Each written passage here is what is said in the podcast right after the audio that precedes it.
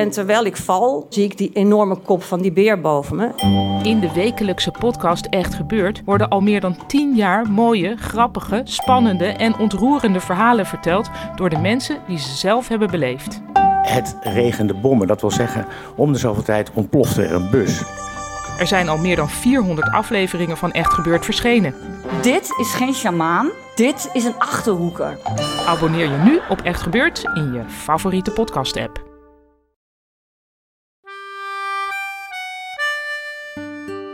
Dit is Man met de microfoon. Met iedere week echte en bijna echte verhalen.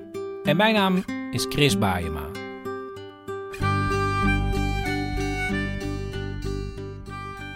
Daar zitten we weer op de bank, Paulien. Ja, Waarom zeg je hem? Nee. Omdat je weet dat ik wilde Ja. beginnen met het oor. Nou ja. Ja, en ook omdat ik denk dat je gewoon een monoloog gaat houden. Maar dat is, dat is op zich oké. Je mag iets, ja, je kan ook iets aan me vragen, het een soort van dialoog. Hoe gaat het met je oor? Leuk dat je het vraagt. Ik had dus eh, aan het begin van, deze, ja, van dit nieuwe seizoen... Ik had een wattenstaafje door mijn oor geprikt, door mijn trommelvlies.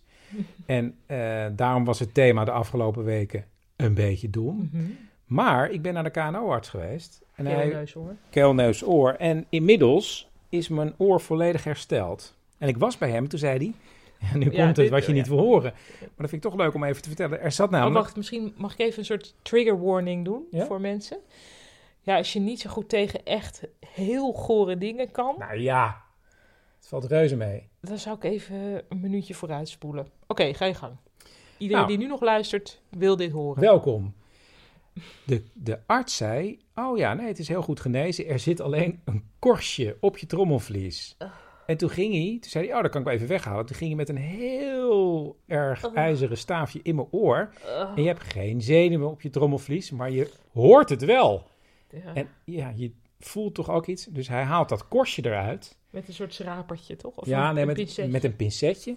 En hij laat dat korstje aan mij zien. Op dat moment haal ik mijn hand onder de pincet. Want ik denk, ik krijg nu het korstje. Want ik hou heel erg van korstjes. Nou, dag fans van Chris. Het was leuk dat jullie al die jaren hebben geluisterd. Ik neem aan dat het nu klaar is. nee, want die, het gekke is, die arts laat dat korstje helemaal niet in mijn hand vallen. Maar die Wat gooit, zeg. gooit het in de prullenbak. en ik loop naar de auto. En tot en met in de auto denk ik... Ja, zal ik nog teruggaan om dat korstje te halen? Want ik zou zo heel graag op dat korstje willen bijten. Hè? Gewoon, dat, gewoon met tanden. Dit- Want wat voor een korstje is het? Dit, ja, dit, Nu haken Dus- mensen af. die zijn nu en masse afgehaakt. Gelukkig hou ik nog steeds van je. Oké. Gaan we over naar nieuws. Dus nu Iets is heel anders. totaal geen trigger meer. Want we, we hebben een soort traditie. Elk jaar willen we een kersthoorspel opnemen. Ja. En dat gaan we nu ook weer doen. Heel leuk. Ja, Op 25 en 26 Ja. november. Ik In. Theater Bellevue in Amsterdam. In de grote zaal. Volledig coronaproof. En ehm, Met een kerststerrencast van Chris Baayema, Paulien Cornelissen, Cecile Heuyer en Daniel Cornelissen. Ja, en je kan eigenlijk vanaf nu in de link dan, en dat zeg ik ook nog even in de uitleiding, eh, in de show notes kan je kaartjes bestellen. En ik garandeer hierbij dat het korstje geen rol gaat spelen in het kersthoorspel. Dus ook, het is ook kerstkorstjesproof. Ja, bovendien ook eh, even nog over dat oor, wat een beetje dom was. Eh, dit is ook een beetje deze aflevering om dat thema een beetje dom eh af te. Austroesluiten. Ja, precies. En dan nu, voordat we gaan beginnen met de uitzending, maak ik eerst ruimte voor mijn hoofdsponsor, de Kleine Comedie. Het is februari 1948. Pierre, Pierre! Dit is Tilly Perin Bouwmeester, een blijspelactrice. En ik ben haar man Pierre en ik heb voor haar een theater gekocht. Over een maand gaat het open. Ja, nee. tijd. Ja, wat lees ik nu? Hier. Ja, op de brochure. Ja, op die brochure. Wat lees ik nu? De kleine komedie. Maar, Maar wat? ja, je had toch het theater voor mij gekocht? Voor jouw eigen Tilletje? Ja, maar lieverd. Ik... Nee! Fien de Lamar. Oh, Fien de Fien de Lamar heeft wel een eigen theater. Theater de Lamar, dat is toch ontzettend ordinair. Ordinair? Ja, dat is- niet ordinair. Natuurlijk is dat wel ordinair. Je moet het in de kunsten subtiel aanpakken, Tilly. Je noemt het de kleine komedie, maar in de volksmond gaat het Theater Tilly heten. Theater Tilly. Ja, de Tilly. Denk je echt de, Ti- de Tilly? Oh. Dus dan is het de, we gaan naar de Tilly. Denk je dat echt? Absoluut. Oké. En, en, en, en Fien dan? Fien. Ja.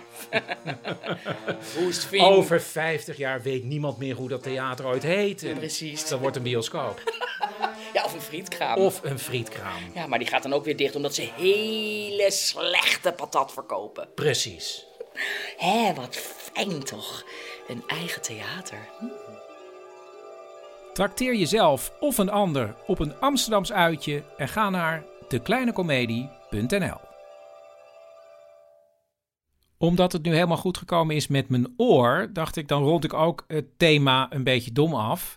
En toen dacht ik, ja, het is misschien best wel leuk dat, niet, dat je zelf niet heel dom was, maar juist iemand anders. En daar heb ik twee verhalen van. Eh, allereerst eentje van mijn moeder, die krijg je zo. En dan aan het eind van de aflevering, helemaal na de aftiteling, dan krijg je er nog één. En ehm, ja, dat van mijn moeder, ja, ik vind het wel grappig. Tenminste, als tiener vond ik dat heel spannend. Want mijn moeder is ooit verloofd geweest met iemand anders. Pas later kreeg ze mijn vader. Maar die verloving, die is uitgegaan. En dan ontstaan er natuurlijk barsjes in zo'n relatie, voordat het eh, voorbij is. Eh, oh, nou ja, ja dat, waarom ook niet? We maken er gewoon de rubriek van. Tijd voor de moeder van Chris. Tijd voor de moeder van Chris. Oh ja. Tijd voor de moeder van Chris. Het is weer tijd voor de moeder van Chris. Oké, dan is hier het verhaal van de verloofde. Nou, voor mijn verjaardag eh zou hij een enorm leuk uitje. Had hij bedacht. Ja, maar hij, het was een verrassing, dus ik wist totaal niet waar we eh, heen gingen, wat we zouden gaan doen. Dus ja, wat moet je dan aantrekken? Nou, ik denk, weet je wat, het wordt vast een mooi museum. En, eh, dus ik een keurige jurk aan. Echt leuke schoentjes aan. Een mooie jas. Een tasje. En ik denk, ja, ik ben klaar om welke verrassing dan ook te ondergaan. Goed, hij mocht voor die dag voor één keer de auto van, ik meen van zijn zwager, dus wij in zo'n eh, Volkswagen, eh, naar, ja, waar naartoe? Wat bleek?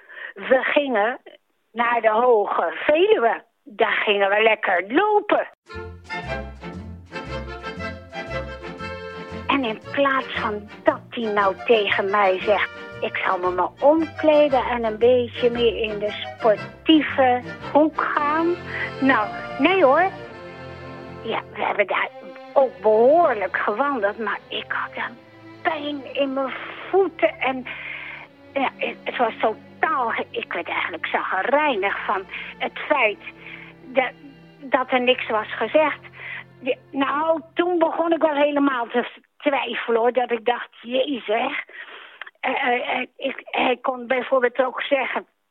Da, nou had hij een blauw pak en ik groene jurk. En zei hij, nou ik zou een andere jurk aantrekken, want dit vloekt bij elkaar. Maar dit zei hij helemaal niet. Het was eigenlijk toen al duidelijk, het was niet een match made in heaven, toch man? Dat maak jij ervan. Ja. En uiteindelijk heb je nog de ware daarna gevonden. Ja, zeker. Dus het is zeker. allemaal goed gekomen. Oké. Dag mam. Ja hoor. Doei. Met Danny. Hey Danny, ja, je spreekt met Chris eh, van de man met de microfoon. Ik ben in verband met de uitvaart van Snuffy. Terecht. Terecht? Ja, Snuffy was een heel bijzonder konijn. God hebben uh, hem... Nee, zijn... Haar ziel. Ja, God hebben haar ziel. Wat een bijzonder konijn was dat, zeg. Ja. Hey, en nu zag ik jullie, dat jullie dat heel groot gaan aanpakken met de, met de uitvaart van Snuffy. Nou, en of, ja. Ja, Snuffy was een verbinder. Een, uh, een levensgenieter. En Snuffy zou niets liever willen dan dat we haar leven hè, uh, gezamenlijk zouden vieren. Ja, want, en hoe gaat die uitvaart er dan precies uitzien? Want ik las dat jullie dat dus... Ja, wacht, ik pak, ik pak even uh, een briefje bij. Ja. uh, ja, laat ik eerst even zeggen, Chris. Het is een uitvaart. Ja. En daarom zijn we ook blij dat er daar met de corona even wat eh, andere regels voor gelden. En dat we allemaal, jij ook, afscheid van haar mogen nemen. Ja, wa- ja, want ik las dat die uitvaart in de Johan Cruijff Arena is. Ja, in de arena kunnen we genoeg mensen ontvangen. Ja, maar kende Snuffy zoveel mensen? Ja, jij kent Snuffy nu ook, toch? Ja. Ja, maar meestal is het toch dat je gewoon... Ja, kijk, iedereen mag komen. En we gaan allemaal in het wit, omdat Snuffy een eh, wit konijn was. En geen speeches of zo, zo was Snuffy ook helemaal niet. Maar gewoon lekker dansen op hele goede dance, in de, in de geest van Snuffy. Ja. Ja, maar eh, Arena, ze- vraag je dan iedereen om een bijdrage? Een condoliance, Een condolence? precies. Ja. En een gewone condoliance die kost 89 euro. Maar je kan ook voor een panorama lounge condoliance eh, kiezen. En dat is dan eh 309 euro. 309 euro. Ja, dan heb je een eigen ingang, eigen bar en de hele nacht luxe fingerfoods. Ja, De hele nacht? ja, ja dat maakt het ook zo bijzonder, joh. We sluiten niet om 9 uur, maar we stampen door tot 3, misschien wel 4 uur. Allemaal uit respect voor Snuff. Wie is Ja? dat? Wat, ik hoor Wacht iemand. hoor. Wat is er? De kip. Oh ja, de kip. De kip? Ja, en dat is weer een heel andere uitvaart. Wacht, ik geef je Sjaak even. Hallo, met Sjaak. Hallo Sjaak, is er nog een andere uitvaart? Ja, maar dan van Drumstick. Dat was een Haagse kip die helemaal gek ging op jazz. Hè? En ga je dat ook weer heel groot aanpakken?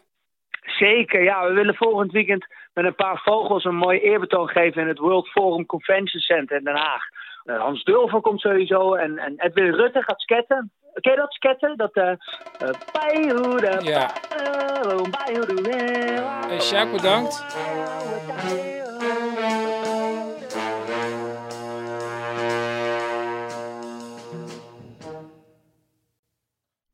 Soms zit ik heel lang naar mijn microfoon te staren en denk ik, wanneer moet ik gaan praten? Eh, Dat ga ik dus nu gewoon doen.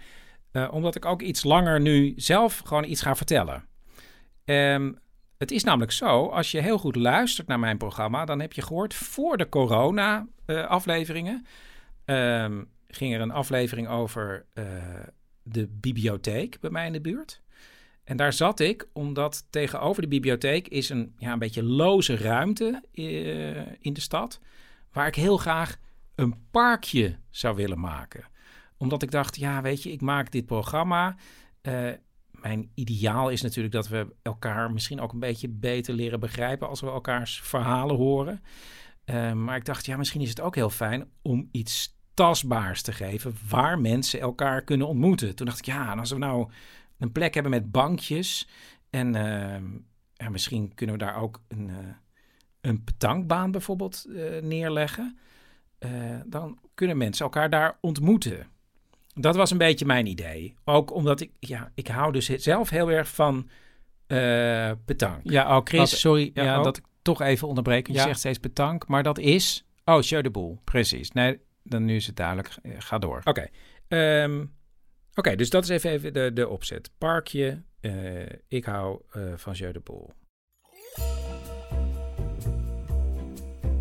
Nu was het midzomer, midden in de zomervakantie. Ik zou met Paulien en Wiek bijna eh, op vakantie gaan naar de Vogezen. We gingen kijken of we daar nog konden kamperen. Ik loop bij mij door de buurt en ik kom bij een plein wat ja, vroeger eigenlijk echt wel een griebusplein was. Hè? Een beetje onheimische plek. Wat zie ik daar?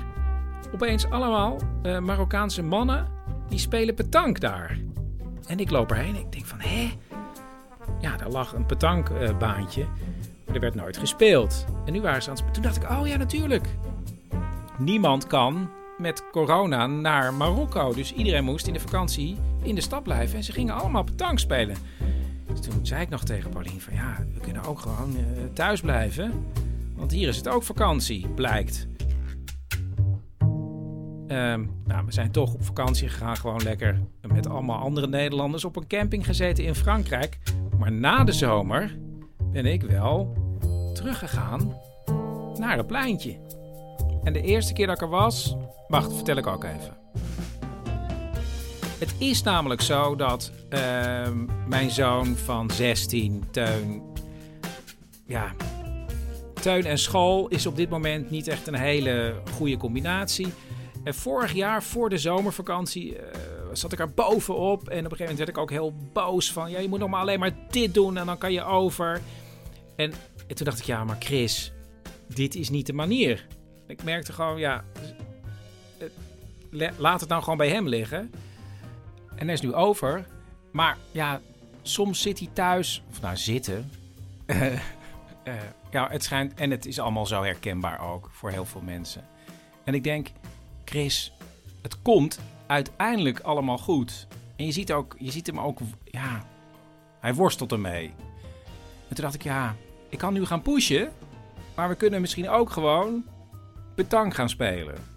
Op het plein. Ja, oh ja, want ik geloof wel in het, feit dat je iets moet gaan doen. Het maakt niet uit wat, maar gewoon, er moet beweging zijn. Dus wij, met z'n tweeën, naar het plein. En we waren er nog maar net. En toen kwam er iemand op ons af. Eh, die zat in een eh, zo'n elektrisch eh, wagentje, want kon niet goed lopen. Dat was Dries. En die was heel geïnteresseerd. En die zei, komen jullie vanavond dan ook spelen?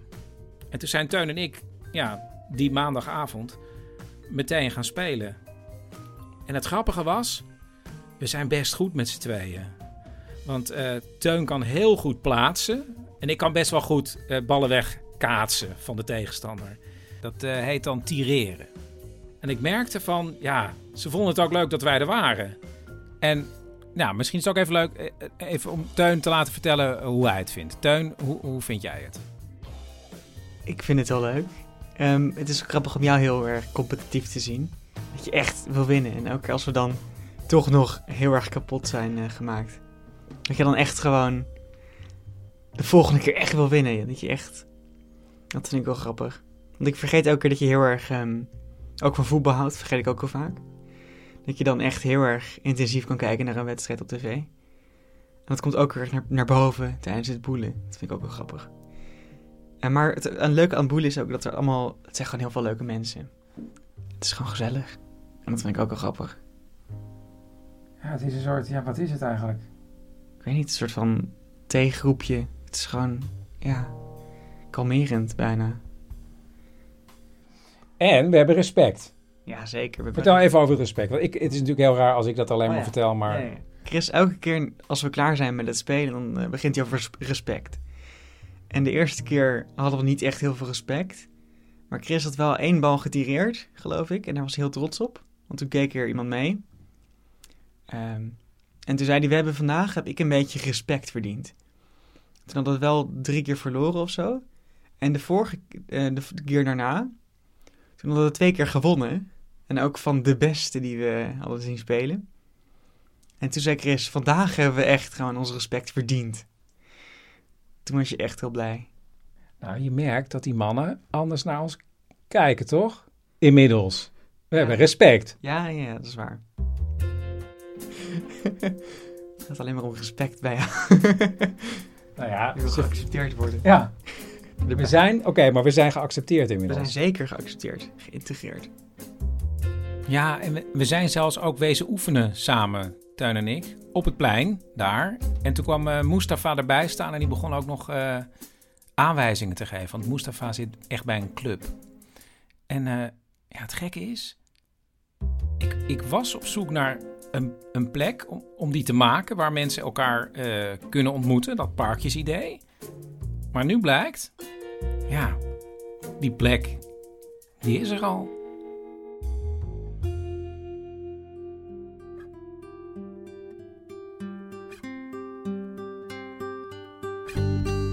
Dit was aflevering 32 van Man met de microfoon. Meegewerkt hebben Maaike Meijer, Daniel Cornelissen en Tom van Kanthout.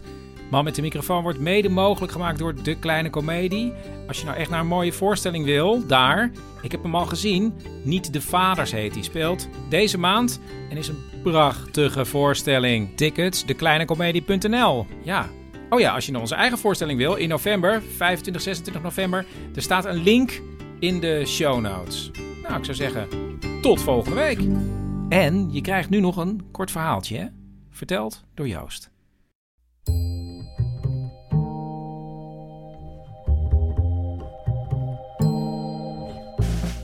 Nou, ik had een, uh, een therapeut. Dit was een tijd geleden. Het was een jaar of 15 geleden, geloof ik. Toen woonde ik uh, net in Amsterdam. En ik was best eenzaam. Ik had geen relatie. Ik wilde heel graag een vriend in die tijd. En uh, dat lukte maar niet. En ik kende ook überhaupt niet zoveel mensen. Dus ik was heel eenzaam. En daar had ik therapie voor. En na een sessie of tien, denk ik, zoiets. Toen vertelde ik een verhaal over dat er een meisje op bezoek was geweest bij mij. Een vriendin en toen zei hij, maar uh, en dan zo'n meisje, is, is dat dan niet iets voor je? Waarop ik antwoordde, maar je, je weet al dat ik, dat ik gay ben. ik zal het nooit vergeten. Pakt hij die staal van papier of zo'n zo'n klapper die hij in zijn hand heeft. En hij, hij bladert terug. Zo, waar hij het had opgeschreven dat ik gay was. Dat was hij totaal vergeten. En daar echt, we echt al zoveel sessies hebben gehad. En toen op een gegeven moment heb ik, nou ja, toen ben ik er nog drie sessies geweest. En daarna heb ik ook gezegd, nou, laat maar. Lijkt niet heel goed. Maar die blik in zijn ogen was zo grappig. Gewoon echt zo, oh, oh ja, uh, kijken. En dan terugbladeren. Briljant.